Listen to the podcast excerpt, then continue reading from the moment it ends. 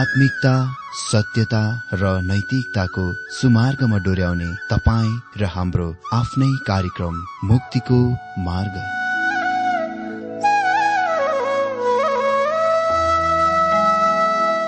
आदरणीय श्रोता यस मुक्तिको मार्ग कार्यक्रममा हार्दिक स्वागत छ। आशा छ यस आत्मिक कार्यक्रमद्वारा जीवनमा आत्मिक आशिष अलौकिक शान्ति र आनन्द प्राप्त गर्नुहुनेछ। र जीवनमा धन्य अनुभव गर्नुहुनेछ।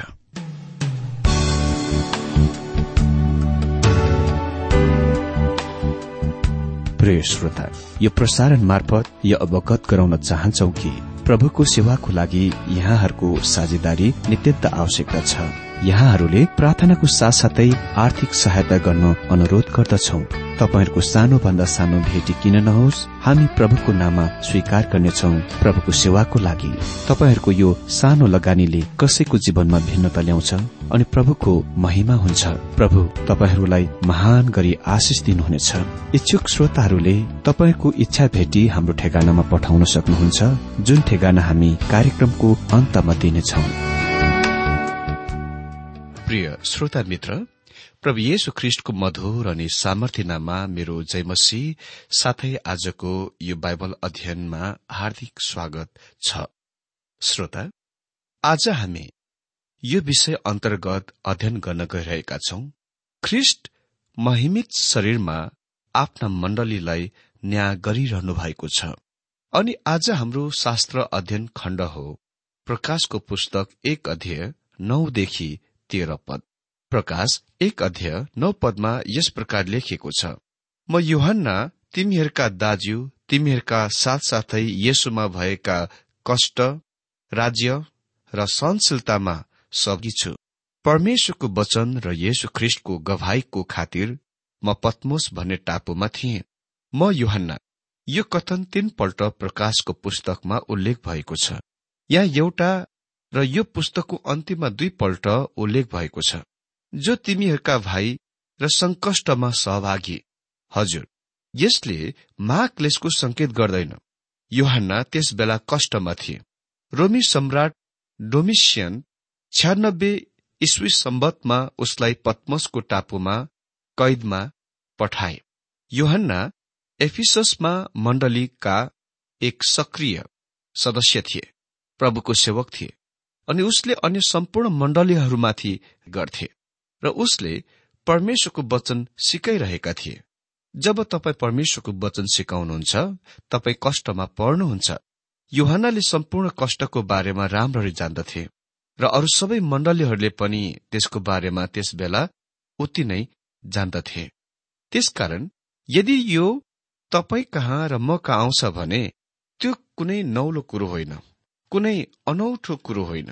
फेरि म तपाईँलाई यो भन्न चाहन्छु योहन्नाले महाक्लेशको संकेत गरिरहेका छैनन् यहाँ तर त्यो सतावटको संकेत गरिरहेका छन् जुनमा पहिले विश्वासीहरू परेथे अनि राज्यले चाहिँ राज्यको वर्तमान स्थितिको संकेत गर्दछ। नयाँ जन्मको सद्गुणद्वारा योग्यताद्वारा जुनले पापीलाई ख्रिस्टमा राख्छ उनी त्यस किसिमले परमेश्वरको राज्यमा छन्। यो हजार वर्ष राज्य होइन त्यो अहिलेसम्म स्थापन भएको छैन। ख्रिस्टले यसको आफ्नो दोस्रो आगमनमा स्थापन गर्नुहुनेछ। कसैले भनेका छन् हामी आज राज्य र धीरजमा रहिरहेका छौं। अनि धीरज नै त्यो कुरो हो जहाँ मुख्य जोड छ। योहन्नाले पद्मसको टापुमा उनी भएका कारणको वर्णन गर्छन्। उसले त्यहाँ करिब छ्यासी इस्वी सम्बत छ्यासीदेखि सन्तानब्बे इस्वी सम्बत त्यहाँ देश निकाला गरिएका थिए र त्यहाँ उसलाई पठाइएका थिए। अर्को शब्दमा त्यो कालो पानीको सजै थियो। पद्मसको टापु एसिया माइनरको ज्वालबाट बनेको टापु थियो। त्यसको क्षेत्रफल दस मिल लामो र छ मिल चौडा थियो।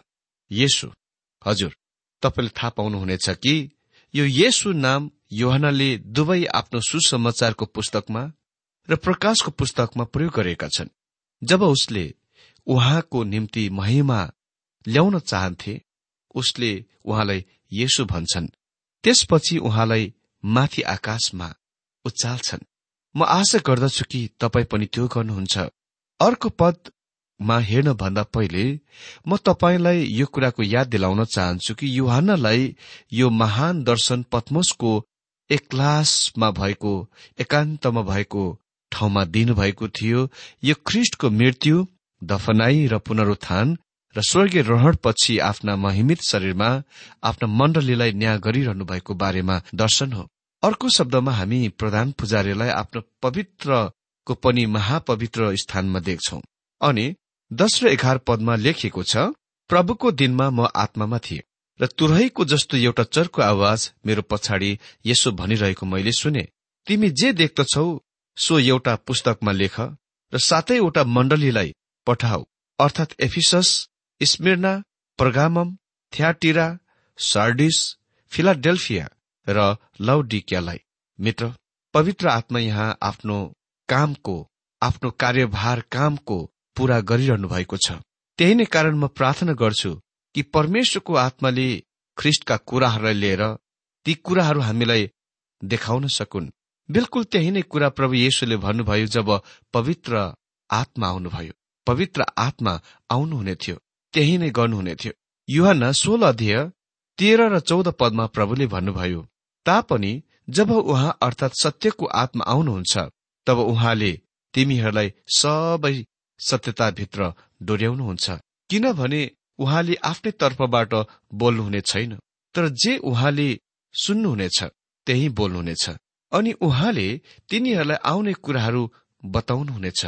उहाँले मेरो महिमा गर्नुहुनेछ। किनभने जे मेरा छ त्यहीबाट उहाँले प्राप्त गर्नुहुनेछ र तिमीहरूलाई बताइदिनुहुनेछ। हामी महिमित ख्रिस्टको दर्शनमा प्रवेश गर्न गइरहेका छौं। हामी उहाँलाई आज महान प्रधान पुजारीको रूपमा आफ्नो कार्यालय वा आफ्नो कार्यभार पदमा उहाँले विचार गरिरहेका छौं। म यो महसुस गर्छु कि यी महान पदहरूको वर्णन गर्ने कोसिसमा म त्यति धेरै पूर्ण रूपमा पर्याप्त छुइनु। केवल परमेश्वरको आत्माले ती कुराहरू हामीलाई वास्तविक बनाइदिनुहुन्छ। तर हेब्रु तीनको एक पदले हामीलाई भन्छ यसकारण हे पवित्र भाइहरू हो स्वर्गीय बोलावटहरूका भागीदारहरू हो हामीले स्वीकार गरेको प्रेरित र महापुजारीलाई अर्थात ख्रिस येशुलाई ध्यान दिउ युहान भन्छन् म आत्मामा थिएँ। पवित्र आत्मा युहानमाथि चाल चलिरहनु भएको थियो र उसलाई चारैतिरको तस्विर दिइरहनु भएको थियो। यो सिनेमा जस्तै हो यो दृश्य र ध्वनि हो। यो दुवै आँखालाई र कानलाई अपिल हो परम प्रभुको दिनमा। हजुर यसको अर्थमा त्यहाँ विवादस्पद छ। कोही कोही महान बाइबल पण्डितहरूले यस परमप्रभुको दिनको रूपमा अर्थ दिन्छन् व्याख्या गर्छन् तर म तिनीहरूको यो व्याख्यालाई स्वीकार गर्दिन। यद्यपि प्रकाशको महान विषय परमप्रभुको दिनसँग व्यवहार गरे तापनि जुन अर्थात् परमप्रभुको दिन क्लेश अवधि र हजार वर्ष राज्य हो। अह तर युहानले भन्छन् कि उनी परमप्रभुको दिनमा आत्मामा थिए। र मेरो विचारमा परमप्रभुको दिन र प्रभुको दिन अर्थात् the the day of the Lord र लोर्ड्स डेमा अलग अलग हुन्।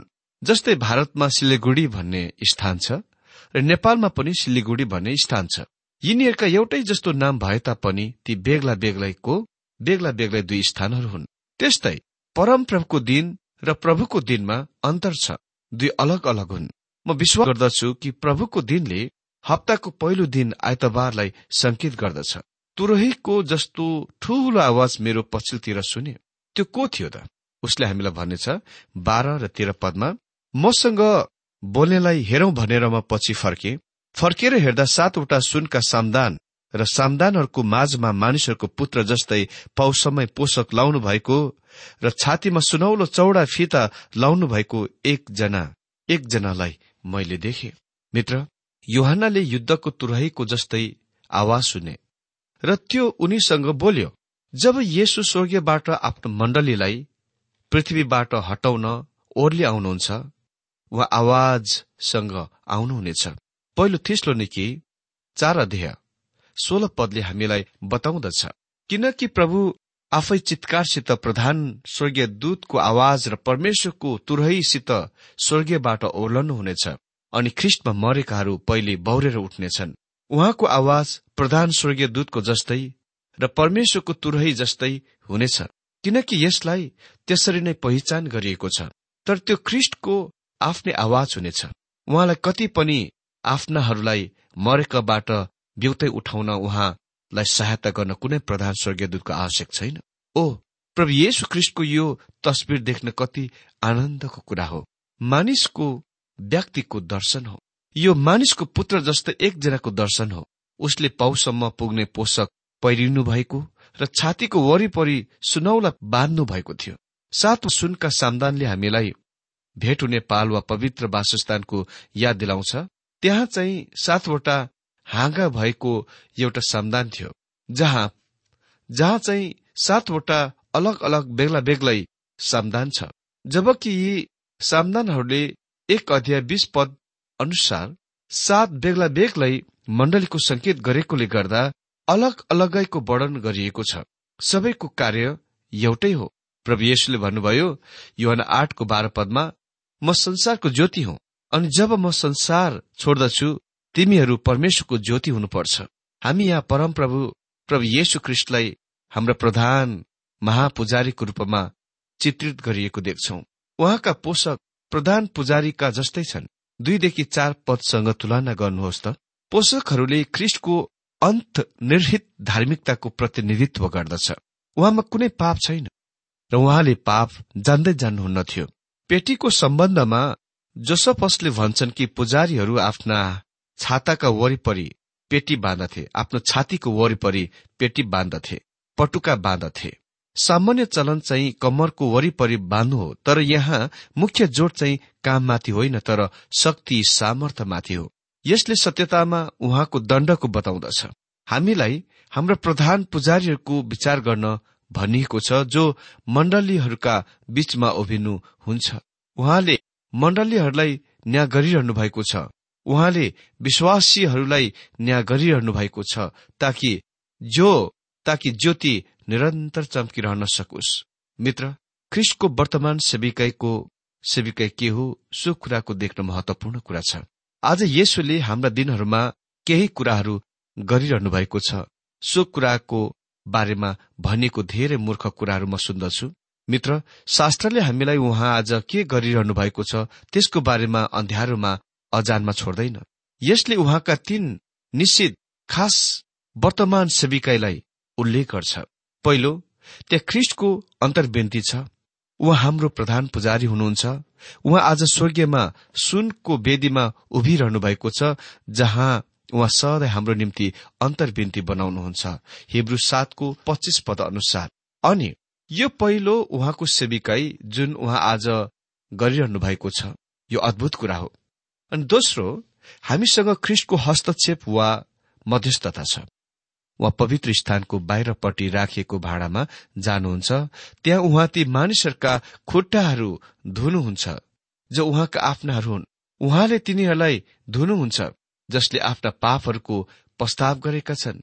ख्रिस्टियन विश्वासीहरूसँग पापहरू हुन सक्छ र उहाँसँगै संगति राख्नको निम्ति ती पापहरूले प्रस्ताव गर्नै पर्छ। पहिलो युहन्ना एकको नौ पदमा लेखिएको छ यदि हामीले आफ्ना पापहरूको स्वीकार गर्दछौ भने उहाँ हामीलाई हाम्रा पापहरू क्षमा दिन र सम्पूर्ण अधर्महरूबाट हामीलाई शुद्ध गर्न विश्वासयोग्य अनि धर्मी हुनुहुन्छ। आज उहाँको कम्मरमा तौलिया बेर्नु भएको छ र उहाँले भाँडा बोक्नुहुन्छ र उहाँ हाम्रो पक्षमा उभिनु भएर हस्तक्षेप गर्नुहुन्छ मध्यस्थ गर्नुहुन्छ। युहानले आफ्नो पहिलो पत्रमा भन्छन् पहिलो युहान दुई अध्यायको एक पदमा मेरा साना नानीहरू यी कुरा म तिमीहरूलाई लेख्छु। तिमीहरू पाप नगर। उहाँले हामीले पाप नगरौं भनेर विशेष व्यवस्था प्रबन्ध पनि बनाउनु भएको छ। म तपाईँको व्यक्तिगत बारेमा जान्दिन तर पनि म त्यस स्थितिमा अहिलेसम्म पुगेको छैन। अनि यस रूपमा भन्नुपर्दा मैले अहिलेसम्म त्यस्तो मानिस कसैलाई पनि भेटेको छैन। तर युवाना भन्छन् यदि मानिसले पाप गरे तापनि हामी पितासँग वकिल हुनुहुन्छ। ख्रिस्ट हाम्रो वकिल हुनुहुन्छ। उहाँ हाम्रो पक्षमा उभिनु भएर बचाउ गर्नुहुन्छ। जब हामीलाई दोष लगाइन्दछ अनि शैतान विश्वासी भाइहरूको सधैँ दोष लगाउनेवाला हो त्यहाँ अर्को ख्रिस्टको वर्तमान सेविकाई पनि छ जुन त्यति धेरै जनप्रिय छैन। यो सेविकाई प्रकाशको पहिलो अध्यायमा उल्लेख गरिएको छ। अनि म सोच्दछु त्यो नै एक कारण प्रकाशको यो खण्ड अति नै कम जानिन्दछ। यहाँ हामी निरीक्षणको उहाँको सेविकाई देख्छौं। आज येसुले गरिरहनु भएको कुरा स्पष्ट रूपमा शास्त्रमा रेखाङ्कित गरिएको छ। उहाँ स्वर्गीयमा उक्ली जानुभयो र परमेश्वरको दाहिने हातमा बस्नुभयो। तर उहाँ त्यहाँ आरामसँग खुट हल्लाउँदै यताउति हुँदै चिया पिउँदै बसिरहनु भएको छैन। जब हामीलाई भनिएको छ उहाँ बस्नुभयो यसको अर्थ हो उहाँले मानिसको लागि आफ्नो उद्धारको काम सक्नुभयो। उहाँ हामीलाई बचाउन पृथ्वीमा मर्नुभयो र उहाँ स्वर्गीयमा हामीलाई बचाइराख्न बसिरहनु भएको छ। म सोच्दछु कि उहाँ आज हामीलाई बचाइ राख्ने कोसिसमा झन् धेरै व्यस्त हुनुहुन्छ। हामीसँग ख्रिसको तीनवटा सेविकै छ। हामीसँग उहाँको अन्तर्विन्ती छ। उहाँको हस्तक्षेप वा मध्यस्थ छ र उहाँको निरीक्षण छ। अनि ख्रिस्टको निरीक्षण नै अहिले हामी हेर्न गइरहेका छौं। उहाँ अहिले कहाँ हुनुहुन्छ? हामी उहाँलाई सामदानहरूको बीचमा हिँडिरहेको देख्छौ। प्रस्थानको पुस्तकमा हामी सुनको सामदान देख्छौ। त्यो भेट हुने पाल वा पवित्र वासस्थानमा एक भन्दा सुन्दर फर्निचरको सामान थियो। त्यो निकुर सुनले बनिएको थियो र त्यसको दुईपट्टि प्रत्येकमा तीन तीनवटा हाँगाहरू थिए अनि प्रत्येकको टुप्पो चाहिँ फुलेको बदामको फूल जस्तै फक्रेको हुन्थ्यो र बत्ती त्यहाँ बालिन्थ्यो। बत्तीहरूले पवित्र आत्माको प्रतिनिधित्व गर्दछ। सुनको सामदानले चाहिँ ख्रिष्टको उहाँको महिमाको र उहाँको ईश्वरत्वको प्रतिनिधित्व गर्दछ। ख्रिष्टले पवित्र आत्मा संसारमा पठाउनुभयो। सुनको सामदानले बत्तीहरू बोकेको वा आड दिएको हुन्छ वा थामेको हुन्छ। सुनको सामदानले बत्तीहरू बोकेको हुन्छ वा आड दिएको हुन्छ वा थामेको हुन्छ। अनि सट्टामा बत्तीहरूले सामदानको सुन्दरता र महिमाको प्रकट गरिदिन्छन्। त्यो नै तस्विर हामीसँग प्रकाशको पुस्तकमा छ। म विश्वास गर्दछु कि अहिले पनि पवित्र आत्माले ख्रिस्टलाई उहाँको सम्पूर्ण महिमामा सुन्दरतामा तपाईँलाई वास्तविक बनाइदिनुहुन्छ र तपाईँ आफैलाई उहाँको उपस्थितिको ज्योतिमा देख्न सक्नुहुन्छ। जब उहाँ तपाईँलाई निरीक्षण वा जाँच गर्नुहुन्छ। आज यो त्यति जनप्रिय शिक्षा होइन। हामी निरीक्षण गरिएको जाँचिएको चाहँदैनौ। तर प्रकाशमा हामी उहाँलाई सामदानहरूको बीचमा हिँडिरहनु भएको निरीक्षणको आफ्नो सेविकै गरिरहनु भएको देख्छौ। उजाड स्थानको भेट हुने पाल वा पवित्र वासस्थानमा खाली प्रधान पुजारीले सामदानको रेखदेख गर्दथे। अरू पुजारीहरूले गर्नुपर्ने कामहरू कर्तव्यहरू थिए। तर प्रधान पुजारीहरूले सामदानको सम्भाल्थ्यो उसले नै बत्ती बाल्दथ्यो उसले नै सलेदोहरूको छान्दथ्यो यदि एउटा बत्तीले धुवा दिन थाल्यो भने र राम्रो सफा ज्योति दिएन भने उसले त्यसको सलेदोलाई काट्दथ्यो। अमित्र प्रभु येशु आज सामदानहरूको बीचमा हिँडिरहनु भएको छ। उहाँ आफ्नो मण्डलीको बीचमा हुनुहुन्छ जुन विश्वासीहरू मिलेर बनेको छ। उहाँले धेरै काम गरिरहनु भएको छ। उहाँले सलेदोलाई छाट्नु काट्नुहुन्छ। युवान पन्ध्र अध्यायमा हामीलाई भनिएको छ कि उहाँले विश्वासीहरूको हाँगाहरूलाई छाट्नुहुन्छ ताकि तिनीहरूले फल फलाउन सकुन्। उहाँले पृथ्वीमा हामीलाई कष्टहरूमा भएर जान अनुमति दिनुहुन्छ कहिले कहीँ प्रियहरू अनि यसको कारण यो हो कि हाम्रा हाँगाहरूबाट केही फल पाउन सकियोस् फल्न सकियोस् र उहाँले हाम्रो ज्योतिलाई अझ धेरै चकिलो गरी बल्न बल्ने पार्न सकोस्। उहाँ नै एक हुनुहुन्छ जसले तेल लगाउनुहुन्छ जुनले पवित्र आत्माको प्रतिनिधित्व गर्छ संकेत गर्छ। म आज मानिसहरूले यो भनेको सुन्दा सुन्दा थकित भएको छु। पवित्र आत्मा यो हो पवित्र आत्मा त्यो हो। मित्र येशु ख्रिष्ट मण्डलीको शिर हुनुहुन्छ। उहाँले नै पवित्र आत्मा संसारमा पठाउनुभयो। उहाँले भन्नुभयो जब पवित्र आत्मा आउँथ्यो उहाँले खास केही कुराहरू गर्नु हुने थियो। खालि पुरानो कुराहरू मात्र होइन जुन तपाईँ उहाँले गरेको चाहनुहुन्छ। अह पवित्र आत्माले त्यही गरिरहनु भएको छ जुन गर्न उहाँलाई यसुले संसारमा पठाउनु भएको थियो। ख्रिष्ट मण्डलीको शिर हुनुहुन्छ प्रभु ज्योति चाहनुहुन्छ अनि उहाँले नै पवित्र आत्मामा खन्याउनुहुन्छ जो त्यो ज्योति पाउन। यदि कसैको सेविकैमा ज्योति आइरहेको छ भने त्यो पवित्र आत्माबाट आउँछ उहाँ स्रोत हुनुहुन्छ। ख्रिस्टले अर्को केही काम पनि गर्नुहुन्छ अनि यसलाई मलाई भयभीत बनाउँछ। उहाँले कहिले कहीँ सलेदो काट्ने छाट्ने औजार प्रयोग गर्नुहुन्छ। यदि बत्तीले ज्योति दिँदैन र धुवै धुवा मात्र छोड्छ भने येसुले त्यसको काट्नुहुन्छ। यो नै युहानको मतलब हो। जब उसले पहिले युहान पाँचको सोह्र पदमा भन्छन् त्यहाँ मृत्युमा पुर्याउने पाप छ। तपाईँ र मलाई हटाइन सकिन्छ विदा दिन सकिन्छ। मित्र ख्रिस सामदानको हिँडिरहनु भएको छ र उहाँ तिनीहरूले ज्योतिको उत्पादन गरेको चाहनुहुन्छ। अनि पद चौध र पन्ध्रमा लेखिएको छ उहाँका शिर र केश उन जस्तो सेतो र हिउँ जस्तो सेतो र उहाँको आँखा आगोको ज्वाला जस्तै थियो। अनि उहाँको उहाँको पाउहरू आगोको भट्टीमा राखेर टल्काएका काँसा जस्ता थिए र उहाँको स्वर चाहिँ उर्लिन्दो पानीहरूको आवाज जस्तो थियो। मित्र उहाँको शिर र केश उन जस्तै सेता थिए। यसले चाहिँ उहाँको अनन्तकालीन अस्तित्वको बताउँछ। दानियल सातको नौ पद अनुसार उहाँ सनातनको हुनुहुन्छ। उहाँका आँखाहरू आगोको जस्ता आगोको ज्वाला जस्तै थिए। यसले चाहिँ उहाँको वारपार छेड वारपार छेड्ने अन्त्यान र अन्तर्दृष्टि र मण्डलीको सम्पूर्ण जीवनको प्रत्यक्ष साक्षी ज्ञानको बताउँछ। उहाँले तपाईँको बारेमा सबै कुरा जान्नुहुन्छ। अनि उहाँले मेरो बारेमा पनि सबै कुरा जान्नुहुन्छ। उहाँ एक समय भण्डारमा बसेर मानिसहरूले के कति दिएका थिए सो हेरिरहनु भएको थियो।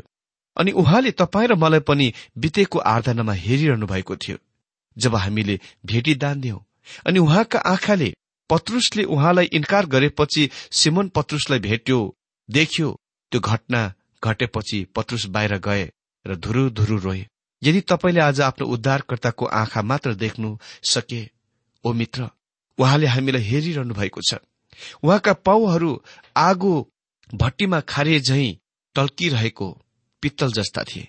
पित्तलले चाहिँ दण्डको सहित हो।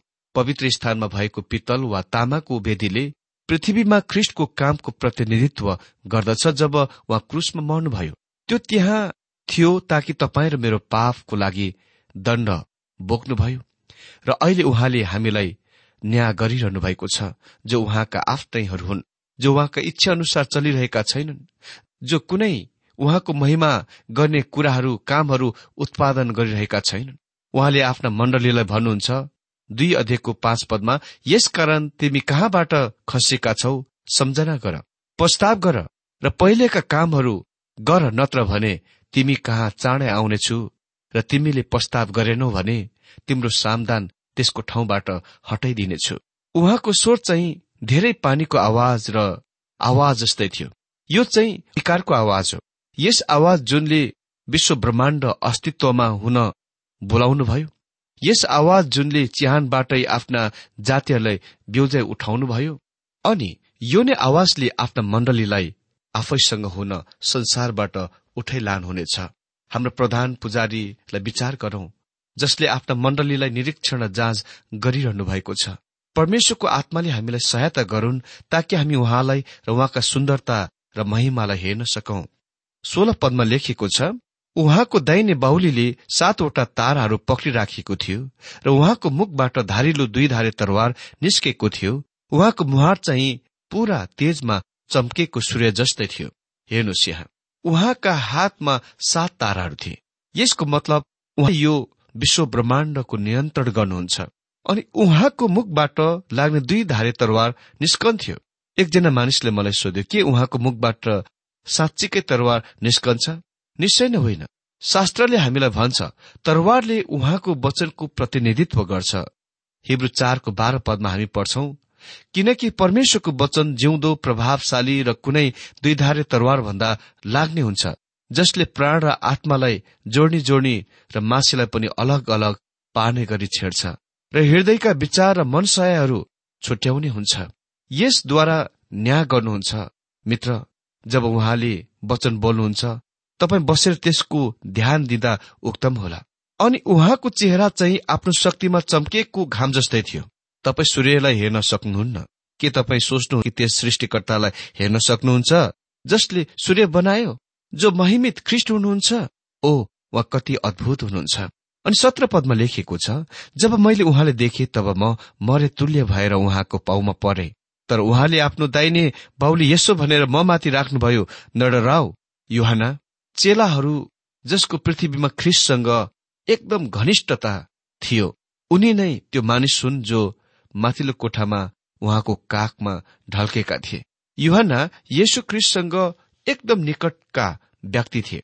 तर अहिले जब उसले महिमित ख्रिस्टलाई पद्मसको टापुमा देखे उनी उहाँ कहाँ गएर उहाँलाई पछाडि थपथपाएनन् वा उहाँसँग हात मिलाएनन् अरू त के बातचित गर्न पनि कोसिस गर्दैनन् बरु उनी उहाँको पाउमा मुर्दा झै पछारिए त्यस दर्शनको युहानमाथि प्रभाव हेर्नुहोस् त। तर अद्भुत कुरा यो छ नडराओ यो चाहिँ ईश्वरत्वको अभिवादन हो जुन मानव जातिलाई दिनुहुन्छ। अनि उसले चार कारणहरू दिन्छन् कि हामी डराउनु पर्दैन। पहिलो प्रथम र अन्तिम मनै हो। यसले उहाँको ईश्वरत्वको स्थानतिर बढ्नुहुन्छ। भजनकार भन्छन् भजन नब्बेको दुई पदमा पहाड़हरू उत्पन्न हुनुभन्दा अघि अथवा तपाईँले पृथ्वी र संसार सिर्जनुभन्दा अघि अनादिदेखि अन्तसम्म तपाईँ नै परमेश्वर हुनुहुन्छ। अनन्त भनेको कुनै सुरुवात र अन्त नभएको अवधि हो।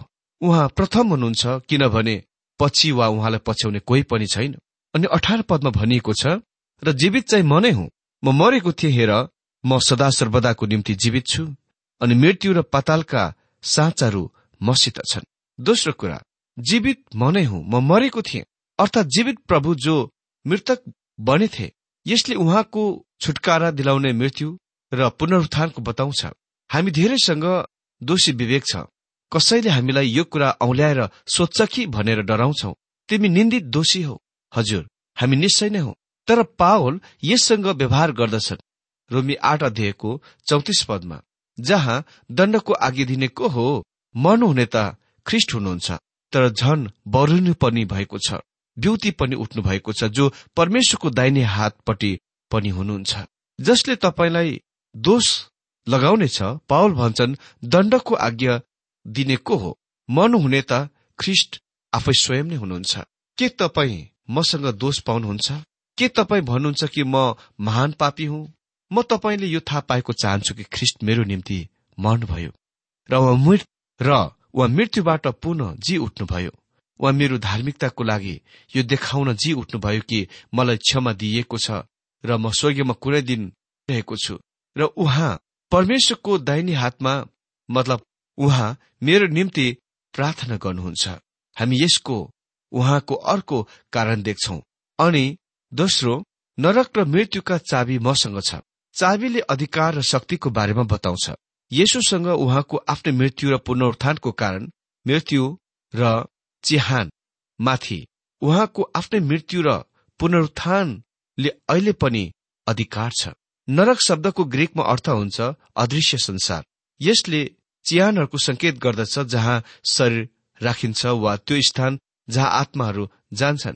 मेरो मित्र तपाईँ र म यी तमाम तथ्यमा सान्त्वनाका दिन सक्छौ कि येसुसँग मृत्युको चाबी छ। उहाँले हामीलाई मृत्युको भयानक डरबाट छुटकारा दिन सक्नुहुन्छ।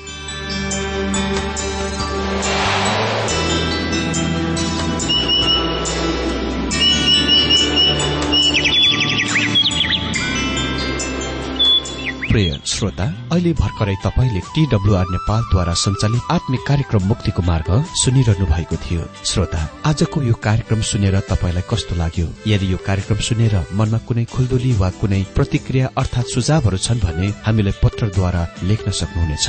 हामी हृदयदेखि नै स्वागत गर्नेछौ स्वीकार गर्नेछौ साथै बाइबल सम्बन्धित प्रचारहरू कार्यक्रम सारणीहरू हामी अनुरोधमा पठाउन सक्छौ। अनि तपाईँसँग कुनै प्रार्थनाको विषय छन् भने हामीले तपाईँको लागि प्रार्थना गरेको चाहनुहुन्छ। चाहनुहुन्छ भने प्रभुमा आफ्नै परिवार सम्झेर हामीलाई पत्रमा लेख्न सक्नुहुनेछ। तपाईँको लागि हामी प्रभु येशुसँग प्रार्थना गर्नेछौ। अधिक जानकारी र पत्रचारको लागि हाम्रो ठेगाना यस प्रकार छ।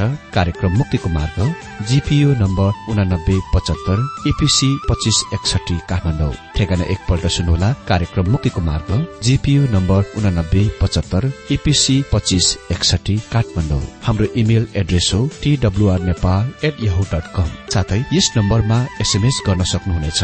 अन्ठानब्बे चार सत्तरी पैतिस छ सय उनासी नौ आठ चार सात जिरो तीन पाँच छ सात नौ। हुन्छ श्रोता आजलाई हामी विदा चाहन्छौ। अर्को कार्यक्रममा हामी पुनः भेट्नेछौ तबसम्मलाई नमस्कार।